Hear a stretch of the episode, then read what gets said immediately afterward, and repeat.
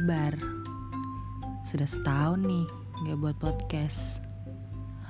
Tahun lalu aku buat podcast tentang galau-galau, puisi, cerita hal bodoh. Dan sekarang aku bingung mau buat podcast apa. Kalian ada ide gak ya? Uh, atau kalau kalian mau request juga bisa.